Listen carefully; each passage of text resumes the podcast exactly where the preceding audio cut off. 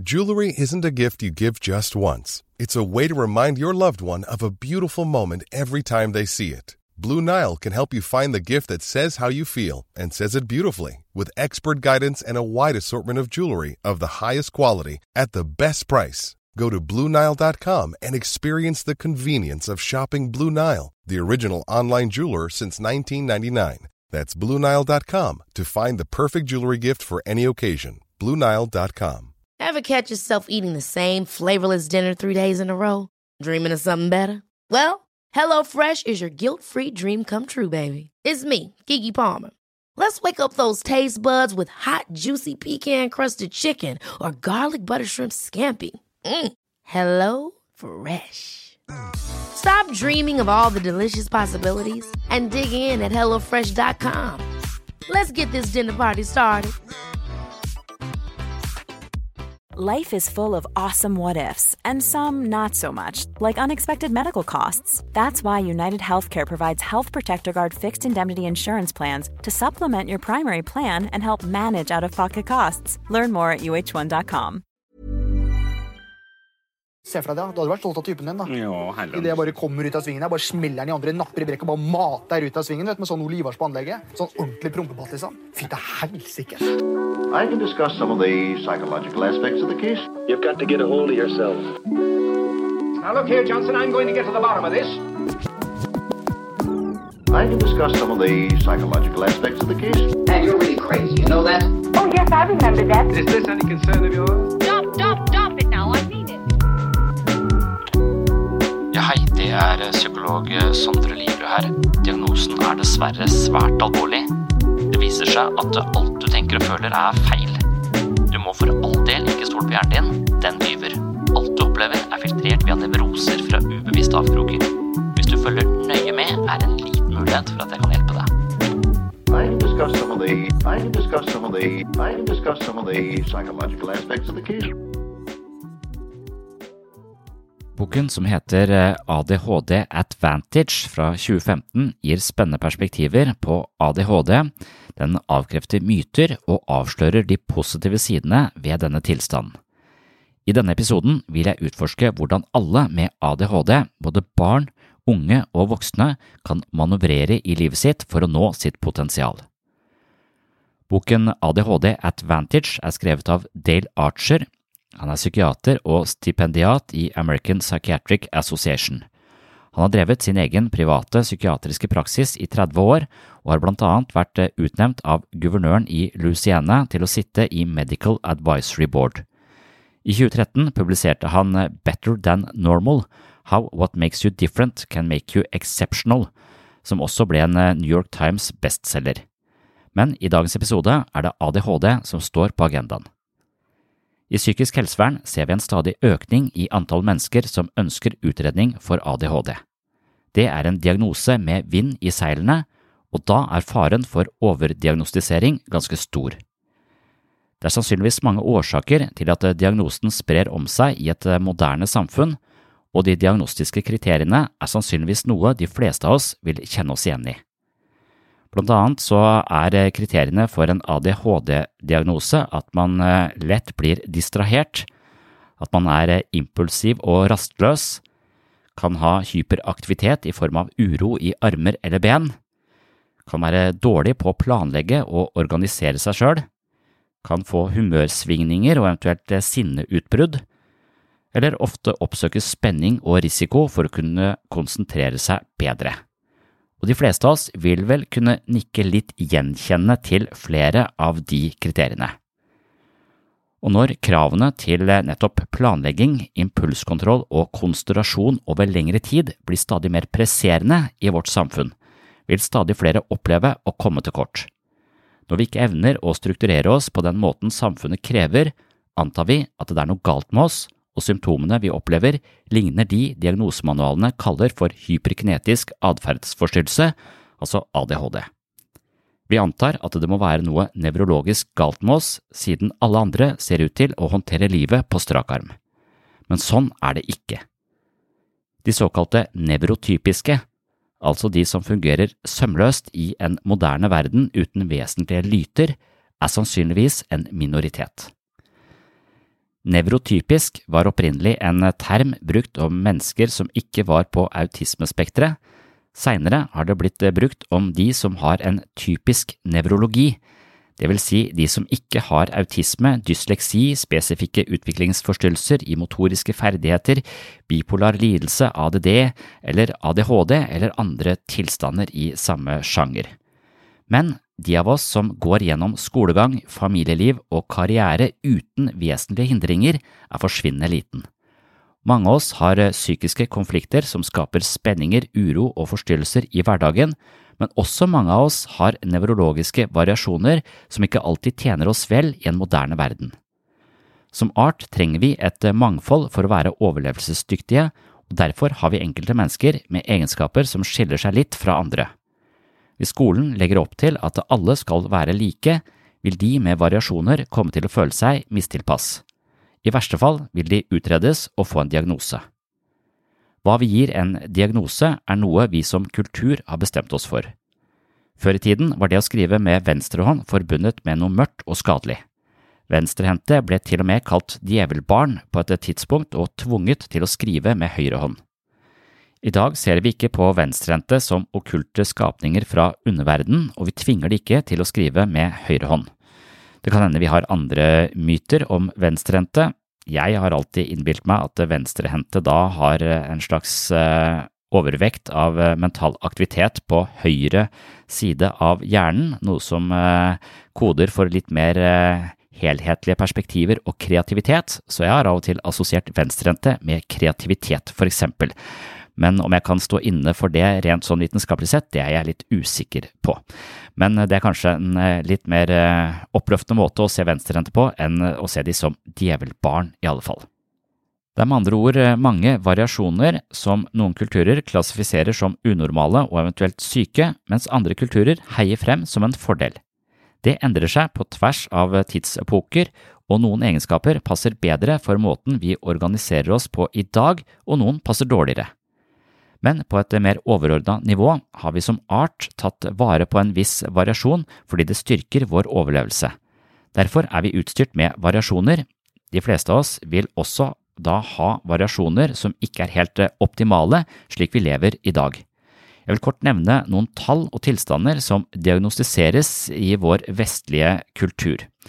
Det å være venstrehendt, eksempel, man regner med at ca. 10% er venstrehendte, men som sagt, det ser vi ikke på som en sykdom lenger. 3–10% kan ha lese- og skrivevansker, eller det vi kaller dysleksi, og her er det noe som opererer med tall opp mot 25% altså en fjerdedel av befolkningen som sliter med å lese. Men noen vokser det også av seg, eller trener mye på det, og kommer på et eh, ganske greit eh, nivå. Tallene spriker litt, men altså man regner med 3–10% har lese- og skrivevansker. Mellom 2 og 7% kan ha ADHD. Her kan det være opptil 10% hvis man tar med de som bare har konsentrasjonsproblematikk, eller de som bare har hyperaktivitet, altså ADD, eller altså Det er mange variasjoner der også, men opp mot 10% kan ha denne typen eh, ADHD-lignende eh, utfordringer i hverdagen. Og som vi skal se litt eh, senere i denne episoden, så trenger ikke det å være noe galt med det. Det kan til og med være en fordel, eller en måte å orientere seg i livet på, og en måte å bruke oppmerksomheten sin på som har visse fordeler i enkelte kontekster, men en del ulemper i andre kontekster. Når det gjelder Tourettes eller tics, så regner man med at 1–2 eh, kan ha det. Eh, noen opererer med tall opp mot 10% men eh, da tar de med barn som ofte vokser dette av seg i løpet av ungdomstida. En halv til 1 prosent kan ha det vi kaller asperger på autismespekteret. 3–5% kan ha dyskalkuli. Her er det noen som opererer med opptil 10% dyskalkuli, altså har litt problemer med å få med seg algebra i matematikktimen. Og så har du 3–8% som har språkvansker, språkvansker, her er opptil 17 eh, som kan ha språkvansker, men en del av de vokser de også av seg, men 3–8% har det eh, ofte i mer eller mindre grad livet ut. Noen har motoriske vansker, noen har persepsjonsvansker, noen har sekvensielle vansker, noen har problemer med hukommelse, osv. Når vi legger sammen alle disse menneskene med et eller annet utfall på en eller annen egenskap, står vi sannsynligvis alle sammen i samme båt. De nevrotypiske vil være unntaket. At vi anser en del av disse egenskapene som uheldige og at de kvalifiserer for en diagnose, er simpelthen fordi de ikke nødvendigvis egner seg optimalt på de arenaene hvor vi stort sett holder til, som for eksempel på skolen hvor alle må innfinne seg og sitte stille ved en pult. Noen mener at ADHD er en variasjon av oppmerksomhet hvor man raskt endrer fokus fra det ene til det andre. Munkene som fant opp skolevesenet, var opptatt av å konsentrere seg om en spesifikk ting over lengre tid, og derfor har det blitt idealet på skolen. Mens de som har en mer kaleidoskopisk oppmerksomhet, altså de som flytter fokus fra det ene til det andre, egner seg kanskje ikke optimalt på skolen, men det kan være en verdifull egenskap hos eksempelvis en jeger en som går rundt i skogen og må reagere raskt på en lyd bak en busk eller et eller annet som eh, flukturerer forbi i sidesynet. Da må oppmerksomheten vandre fra det ene til det andre for å være eh, parat som jeger. Det kan også tenkes at de med ADHD har en bedre evne da til multitasking enn de som ikke har et eh, like flakkende fokus. Med andre ord kan enkelte egenskaper være verdifulle i enkelte settinger, men mer mistilpasset i andre. Derfor er det vi som samfunn som dypest sett bestemmer oss for hvordan vi skal leve og lære, og hvis vi lager en mal for alle, vil mange av oss på et eller annet område komme til kort. Men det er også som forventa og dermed helt normalt. Når vi diagnostiserer det som unormalt, er vi på vei inn i en smal definisjon hvor vi ender opp i en verden hvor alle har en kaskade av diagnoser i journalen sin. Og jeg tror vi er på god vei dit. Det er noen som sier at hvis ikke du har en diagnose, så er du ikke godt nok utreda. Og det er noe i det ordtaket eller ordspråket det er sånn, for det, hvis du leiter lenge nok, så er det et eller annet område hvor du ikke strekker til eller har en egenskap som ikke nødvendigvis egner seg, men som kanskje egner seg på et helt annet område. Og hvis vi da skal gi det en merkelapp og eventuelt medisinere det, så vil vi ende opp i en eh, verden hvor alle har eh, masse diagnoser.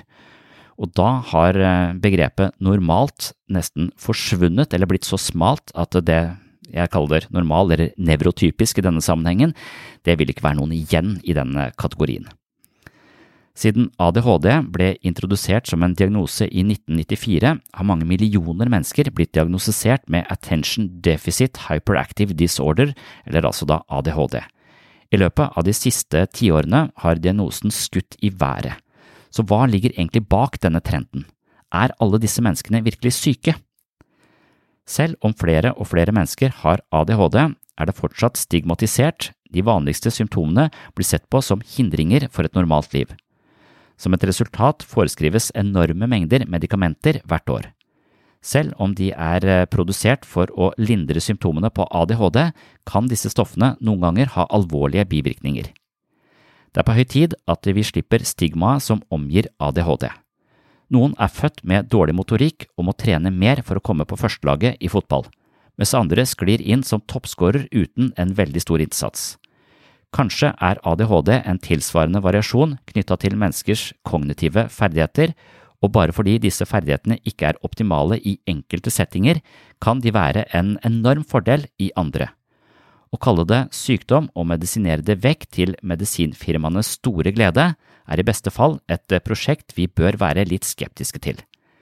Listen over vellykkede og begavede personer med ADHD er like variert som den er lang, noe som viser at det virkelig kan være en ADHD-fordel, som også da er eh, overskriften på dagens eh, episode, ADHD-fordelen.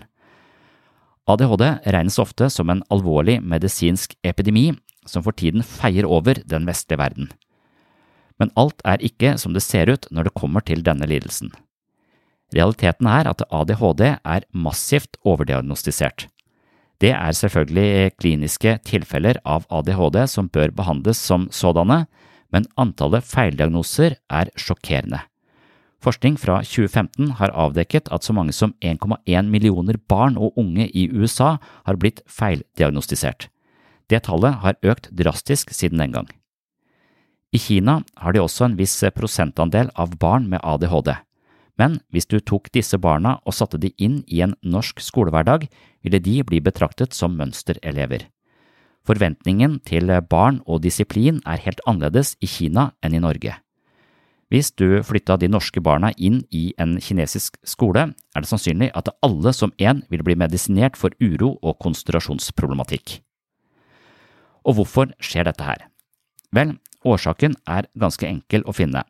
For det første er kriteriene som brukes for å diagnostisere ADHD dårlig formulert og basert på antakelser om at tilfeller av ADHD er svart-hvitt. Hvis en person viser fem av tolv mulige ADHD-symptomer, har de ikke ADHD. Men bare ett ekstrapoeng fører til en positiv diagnose. Dette gir ikke rom for den flukturerende og mangfoldige tilstanden. ADHD forekommer på et spektrum og bør derfor diagnostiseres i henhold til en kontinuerlig skala. På toppen av dette er selve listen over symptomer feil. ADHD-symptomer er fortrinnsvis basert på subjektive observasjoner fra foreldre, psykologer, lærere og leger. Evaluerende utsagn som er ofte lett å distrahere eller ofte unnlater å følge nøye med på detaljer, er basert på hvordan et barns oppførsel fremstår for observatøren, noe som ofte gjør diagnosen uklar og usikker.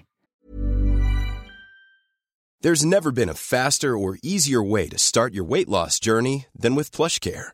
PlushCare accepts most insurance plans and gives you online access to board-certified physicians who can prescribe FDA-approved weight loss medications like Wigovi and Zepbound for those who qualify. Take charge of your health and speak with a board-certified physician about a weight loss plan that's right for you. Get started today at plushcare.com slash weight loss. That's plushcare.com slash weight loss. plushcare.com slash weight loss. This is Paige, the co-host of Giggly Squad, and I want to tell you about a company that I've been loving, Olive and June. Olive and June gives you everything that you need for a salon quality manicure in one box. And if you break it down, it really comes out to $2 a manicure, which is absolutely insane. It's also so easy to get salon worthy nails at home with Olive and June. The difference between how your nails used to look when you did them yourself and now with the Manny system is a complete game changer. The best thing about Olive and June too is it's a quick dry, dries in about one minute, lasts for five days, and full coverage in up to one to two coats. Visit oliveandjune.com slash perfectmanny20 for 20% off your first system. That's oliveandjune.com slash perfectmanny20 for 20% off your first system.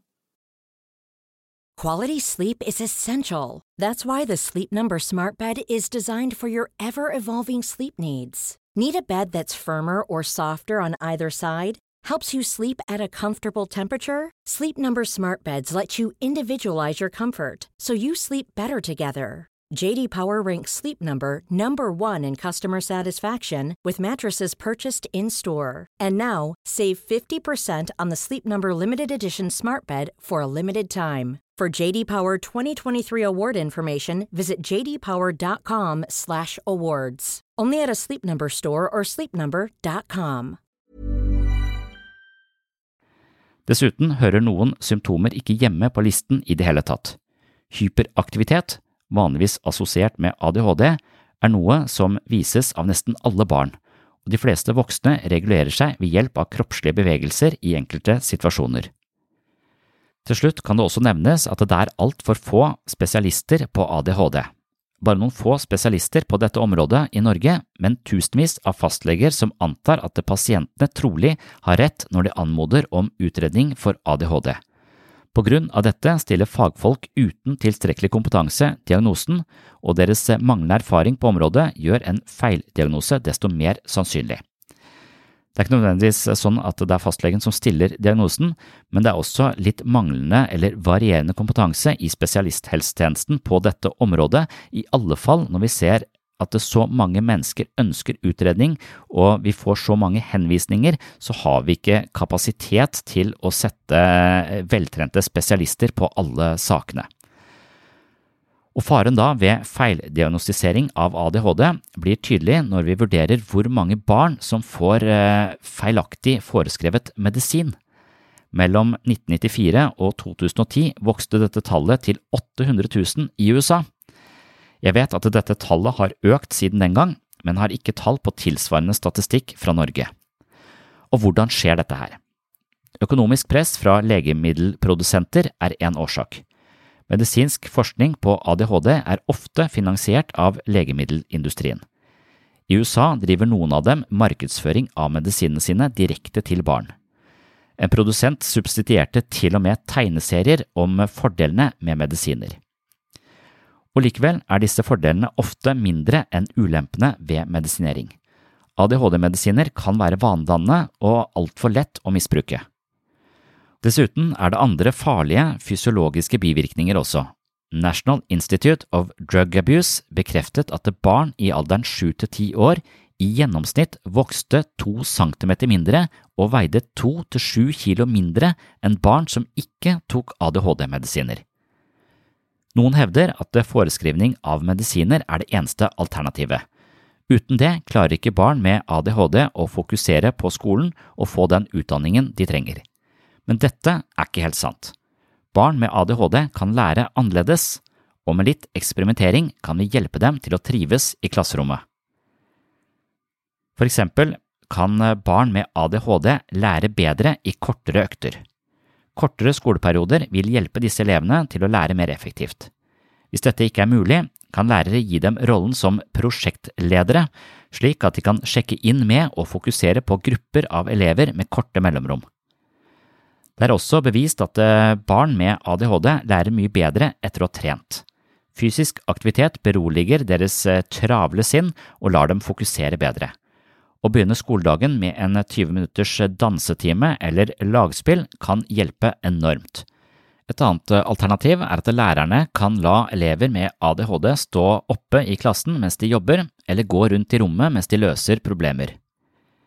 Det mest avgjørende vi imidlertid kan gjøre for å håndtere ADHD på en bedre måte enn diagnostisering og medisinering, er å endre perspektivet vårt. I stedet for å se ADHD som en ulempe, kan vi se på symptomene som fordeler. På denne måten kan vanskeligheter med å fokusere på én oppgave i stedet ses på som evnen til å multitaske. Et ADHD-sinn skifter stadig fra én idé til den neste en evne som lar dem holde styr på flere oppgaver samtidig. Dette er utrolig nyttig i både forretningsliv og profesjonell idrett. Evnen til å sjonglere mange ideer på en gang, assosiere fra den ene til den andre tanken, er kanskje ikke optimalt på matematikkeksamen, men i en tenketank, på en kreativ arbeidsplass eller som podkastvert for Friminutt er denne egenskapen helt unik, fordelaktig og fantastisk fascinerende. Kanskje er Herman Flesvig blant de mest kjente fjesene i norsk offentlighet med ADHD, og han har virkelig dratt veksel på fordelen med et galopperende sinn. Å høre ham skravle i podkasten Friminutt er som å sette seg på en berg-og-dal-bane av kreative ideer og innfall. Vet du, I familien vår så er det tradisjonelt at vi legger marshmallows i aluminiumsfolie og så griller vi det bak i eksospotta. Men det er jo jækla viktig at du ikke ruser mot dem for mye, for hvis det kommer eksos inn i marshmallowsa, kan du bli skikkelig rusa. liksom.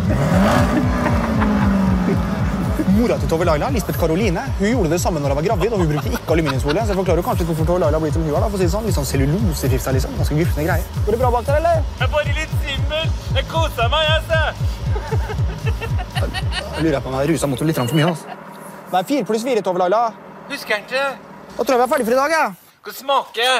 Oi. Vanskelighetene ved ADHD er som regel det å beholde en vedvarende oppmerksomhet, men det er også noe man kan trene opp. Akkurat som man kan lære seg fotballferdigheter selv om eh, man har en eh, svak kroppskontroll i utgangspunktet, så kan vi lære oss å konsentrere oss bedre. Vi kan eh, spille mye fotball og bli langsomt bedre, og vi kan også trene på konsentrasjon. Vi blir sannsynligvis ikke eliteutøvere, men det trenger vi heller ikke å være. Hjernen er plastisk, noe som betyr at den kan endre seg avhengig av hvordan vi bruker den. Her kan blant annet strategier fra meditasjon og mindfulness ha en svært gunstig effekt. På den annen side er et flukturerende sinn en enorm fordel i møte med vanskelige problemer, og da fordi den med ADHD ofte har en bedre evne til det som Di Bono kalte for lateral tenkning. Lateral tenkning er en utradisjonell tilnærming til en problemstilling som i noen tilfeller kan gi uventede enkle løsninger på vanskelige problemer. Jeg har av og til kalt det å tenke i revers, og du finner en egen podkastepisode om dette på Sinnsyn. Det er episode 98, som også heter Kreativ tenkning. Den handler om dette fenomenet lateral tenkning, og hvordan man kan på en måte utvide repertoaret sitt eh, i møte med vanskelige situasjoner eller problemer ved å tenke på litt andre måter. Og det er nemlig slik at ADHD-hjerner ofte er i stand til å lage overraskende og kreative forbindelser som andre hjerner ikke er i stand til. Å hoppe fra én idé til en annen idé og svare på endringer i miljøet på nye og innovative måter kan komme godt med i mange kreative felt, som for eksempel fotografering eller improvisasjon. Manglende oppmerksomhet på detaljer for de med ADHD kan betraktes som evnen til å tåle og trives i kaos. Man ser på det som et problem at man ikke klarer å konsentrere seg om detaljer, men på den annen side så kan det altså betraktes som evnen til å tåle og trives i kaos. Mens flertallet av mennesker har en tendens til å ønske seg en pause når det skjer for mye, er kaos ADHD-hjernens hjemmebane. Hjernen deres kan behandle informasjon og ta viktige avgjørelser med en utrolig hastighet, noe som gjør dem egnet for jobber med høyt trykk, for eksempel profesjonell kokk. Det å glemme ting, altså glemsel, det er et annet vanlig symptom ved ADHD som har sine fordeler når det ses på som en slags motstandskraft. Vi tenker jo på det å glemme ting som en uleppe som regel, men i mange henseende så vil det å klare å glemme ting og legge ting bak seg være en stor fordel. Istedenfor å dvele ved tidligere feil, er de med ADHD ofte i stand til å gå videre med letthet, forbli motiverte og energiske i møte med utfordringer som ligger foran dem. Dette gjør dem robuste og godt egnet for entreprenørskap og andre sysler der eh, fiasko er et eh, uunngåelig hinder på veien til suksess. Mye av hensikten med å sove er å vaske hjernen eller glemme de tingene vi ikke trenger å bruke mental kapasitet på og beholde eller dvele ved i bevisstheten. Dersom vi ikke klarer å glemme, kan det hende vi setter oss fast i fortiden og blir trege og motløse i selve livet. Motsatt vil glemsel kunne tjene oss på en god måte i mange sammenhenger, men selvfølgelig ikke i alle. Det er altså tydelig å se at ADHD har sine fordeler, men hvor stor fordel gir dette egentlig de med ADHD i den virkelige verden? Og Det kan vi jo utforske ved noen eh, case-studier der eh, ADHD har eh, hjulpet enkeltpersoner til å leve opp til ambisjonene sine. Vi har sett at de med ADHD kan være kreative multitaskere, de handler ofte intuitivt uten å bruke for mye tid på å bekymre seg for konsekvenser. Dette kan vise seg å være ekstremt nyttig i forretningsverden, der usikre situasjoner og øyeblikkelige muligheter krever raske beslutninger. Entreprenøren sir Richard Branson har gjort det meste ut av ADHD-egenskapene sine i forretningslivet. Hans multitasking og fryktløse, oppfinnsomme beslutningstakning tillot Branson å unngå fiasko og kontinuerlig gå videre, og dermed utnytte et stort spekter av forretningsmuligheter. Fra flyselskaper til underholdning og media, Branson har gjort alt og fortsetter å administrere prosjektene sine med letthet. ADHD har også sine fordeler for eh, friidrettsutøvere. Michael eh, Phelps, Terry Bradshaw og Peter Rose er alle vellykkede idrettsutøvere med en ADHD-diagnose. De mener selv at det er egenskapene ved ADHD som har hjulpet dem å blomstre og trives i konkurransedyktige miljøer. Men hvordan?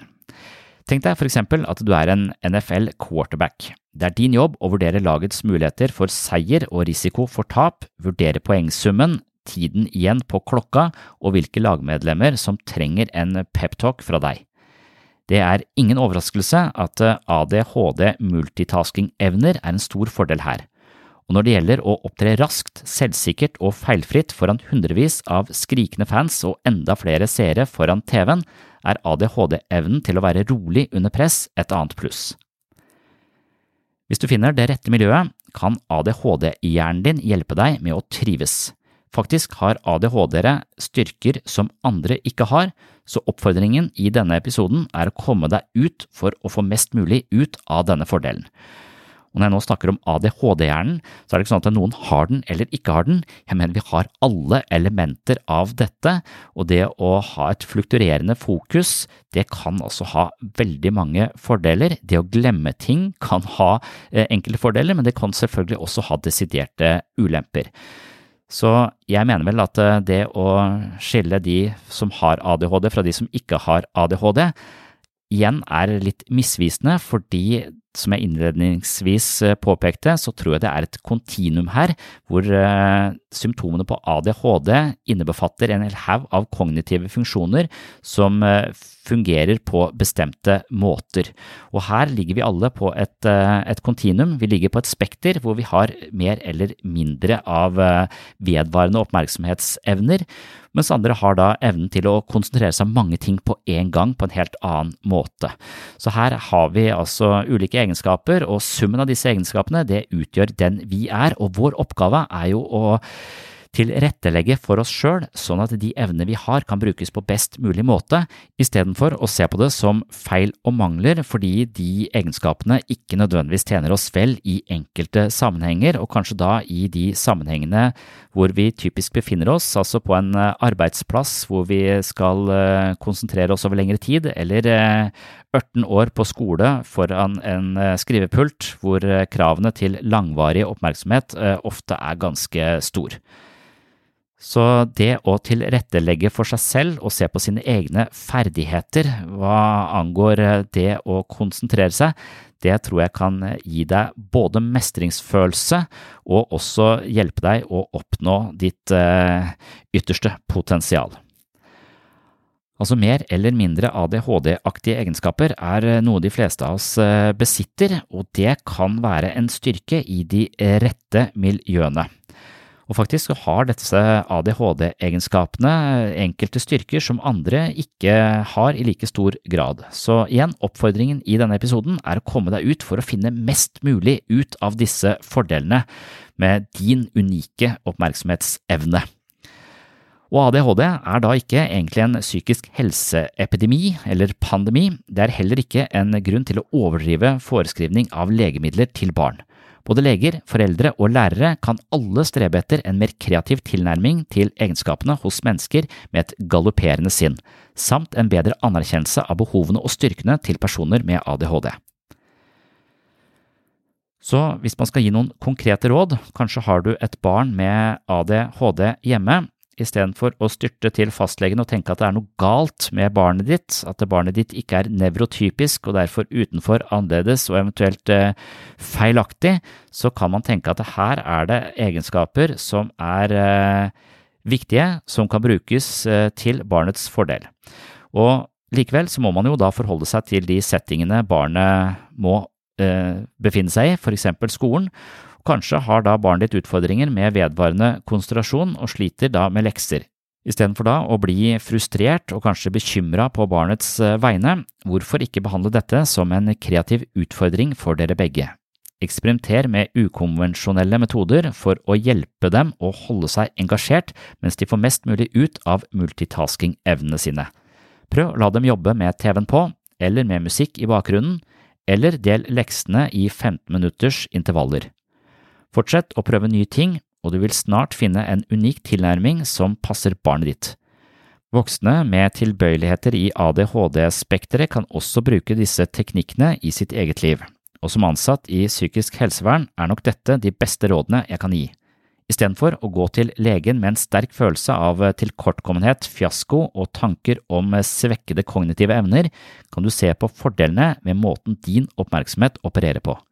Istedenfor å jakte på en diagnostisk merkelapp og medisinsk drahjelp for å passe inn i A4-boksen, kan du forsøke å legge til rette for deg selv slik at dine evner kommer til sin rett, istedenfor å tilpasse seg en eh, kontekst du ikke mestrer. Vi ligger alle sammen på et spekter av mer eller mindre uro, konsentrasjon, hukommelse og evne til å gjennomføre kjedelige oppgaver og jeg vil hardnakket påstå at dersom vi klarer å tilrettelegge for oss selv så vi mestrer livet for egen maskin, kommer vi enormt styrket ut av det med både mestringsfølelse og bedre resultater. Dersom vi gir etter for samfunnets trange normer og rigide krav, risikerer vi en langt mer passiv holdning til egen situasjon, hvor vi kanskje blir avhengig av medikamenter for å passe inn. Den veien kan føre til andre sinnstilstander preget av håpløshet, maktesløshet og andre følelser som er drivere i både angst og depresjon. Og med det så avslutter jeg denne episoden om ADHD. Det er en tematikk jeg er eh, tiltagende interessert i, fordi eh, jeg opplever at stadig flere tenker på seg selv som eh, syke eller som en eller annen B-vare fordi de sliter med vedvarende oppmerksomhet eller det å konsentrere seg om kjedelige oppgaver, holde ut på skolebenken osv., og så konkluderer man med at man tilfredsstiller kriteriene for eh, ADHD, som altså er en gjennomgripende utviklingsforstyrrelse som den eh, beskrives i diagnosemanualene. Jeg synes det er en måte å se det på som er eh, ganske dyster og lite hensiktsmessig, så mitt mål i dag var jo å anmode om at du som hører dette og eventuelt kjenner deg igjen i konsentrasjonsproblematikk, kan begynne å undersøke om din måte å for eksempel konsentrere deg om flere ting på en gang, multitaske, det å legge ting bak seg, glemme ting osv., i enkelte sammenhenger kan ha enorme fordeler, og hvordan kan du lage en tilværelse for deg selv hvor disse fordelene kommer til sin rett. Det er utfordringen, og hvis du klarer det, så er du agent i eget liv, du tar ansvar for egen situasjon, og du slipper å være avhengig av medisinfirmaenes pushing av ulike amfetaminderivater for å passe inn i eh, munkenes måte å sitte stille og konsentrere seg på i lang, lang tid, som også skolevesenet er eh, i stor grad basert på. Du kan prøve å tilrettelegge med en 3D-mølle på kontoret eller eh, lignende, men du kan også oppøve den evnen som munkene har, for det er nettopp det de driver med. De oppøver jo denne evnen til vedvarende konsentrasjon ved å drive en form for mindfulness-meditasjon som eh, type mentaldisiplinerende trening. Og selv om man i utgangspunktet har eh, litt problemer med vedvarende konsentrasjon, så vil denne typen trening også ha en effekt på de som eventuelt da får denne ADHD-diagnosen. Så det er noe vi kan uh, gjøre noe med. Vi kan bruke hodet vårt på en annen måte. Vi kan drive en form for uh, mentaltrening og øke vår uh, evne til både hukommelse og konsentrasjon dersom det er ønskelig. Men vi kan også prøve å se fordelene ved den måten vår oppmerksomhet fungerer på, og sette oss i en type kontekst og setting hvor det kommer til sin rett. Og på den måten så eier vi vårt eget liv, vi slipper å være avhengig av noen andre, og vi slipper å føle oss eh, som eh, feilvare fordi eh, samfunnets standarder ikke passer akkurat våre egenskaper.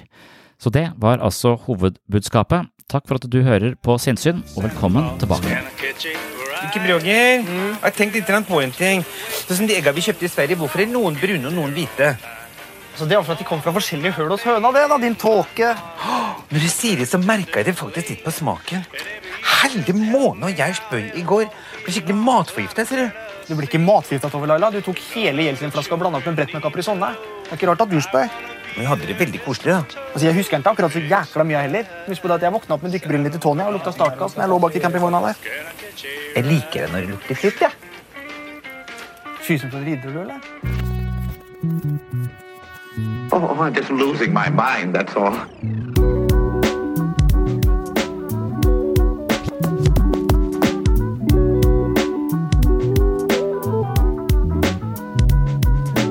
I can discuss some of the I can discuss some of the I can discuss some of the psychological aspects of the case. Psycho, psycho, psychological aspects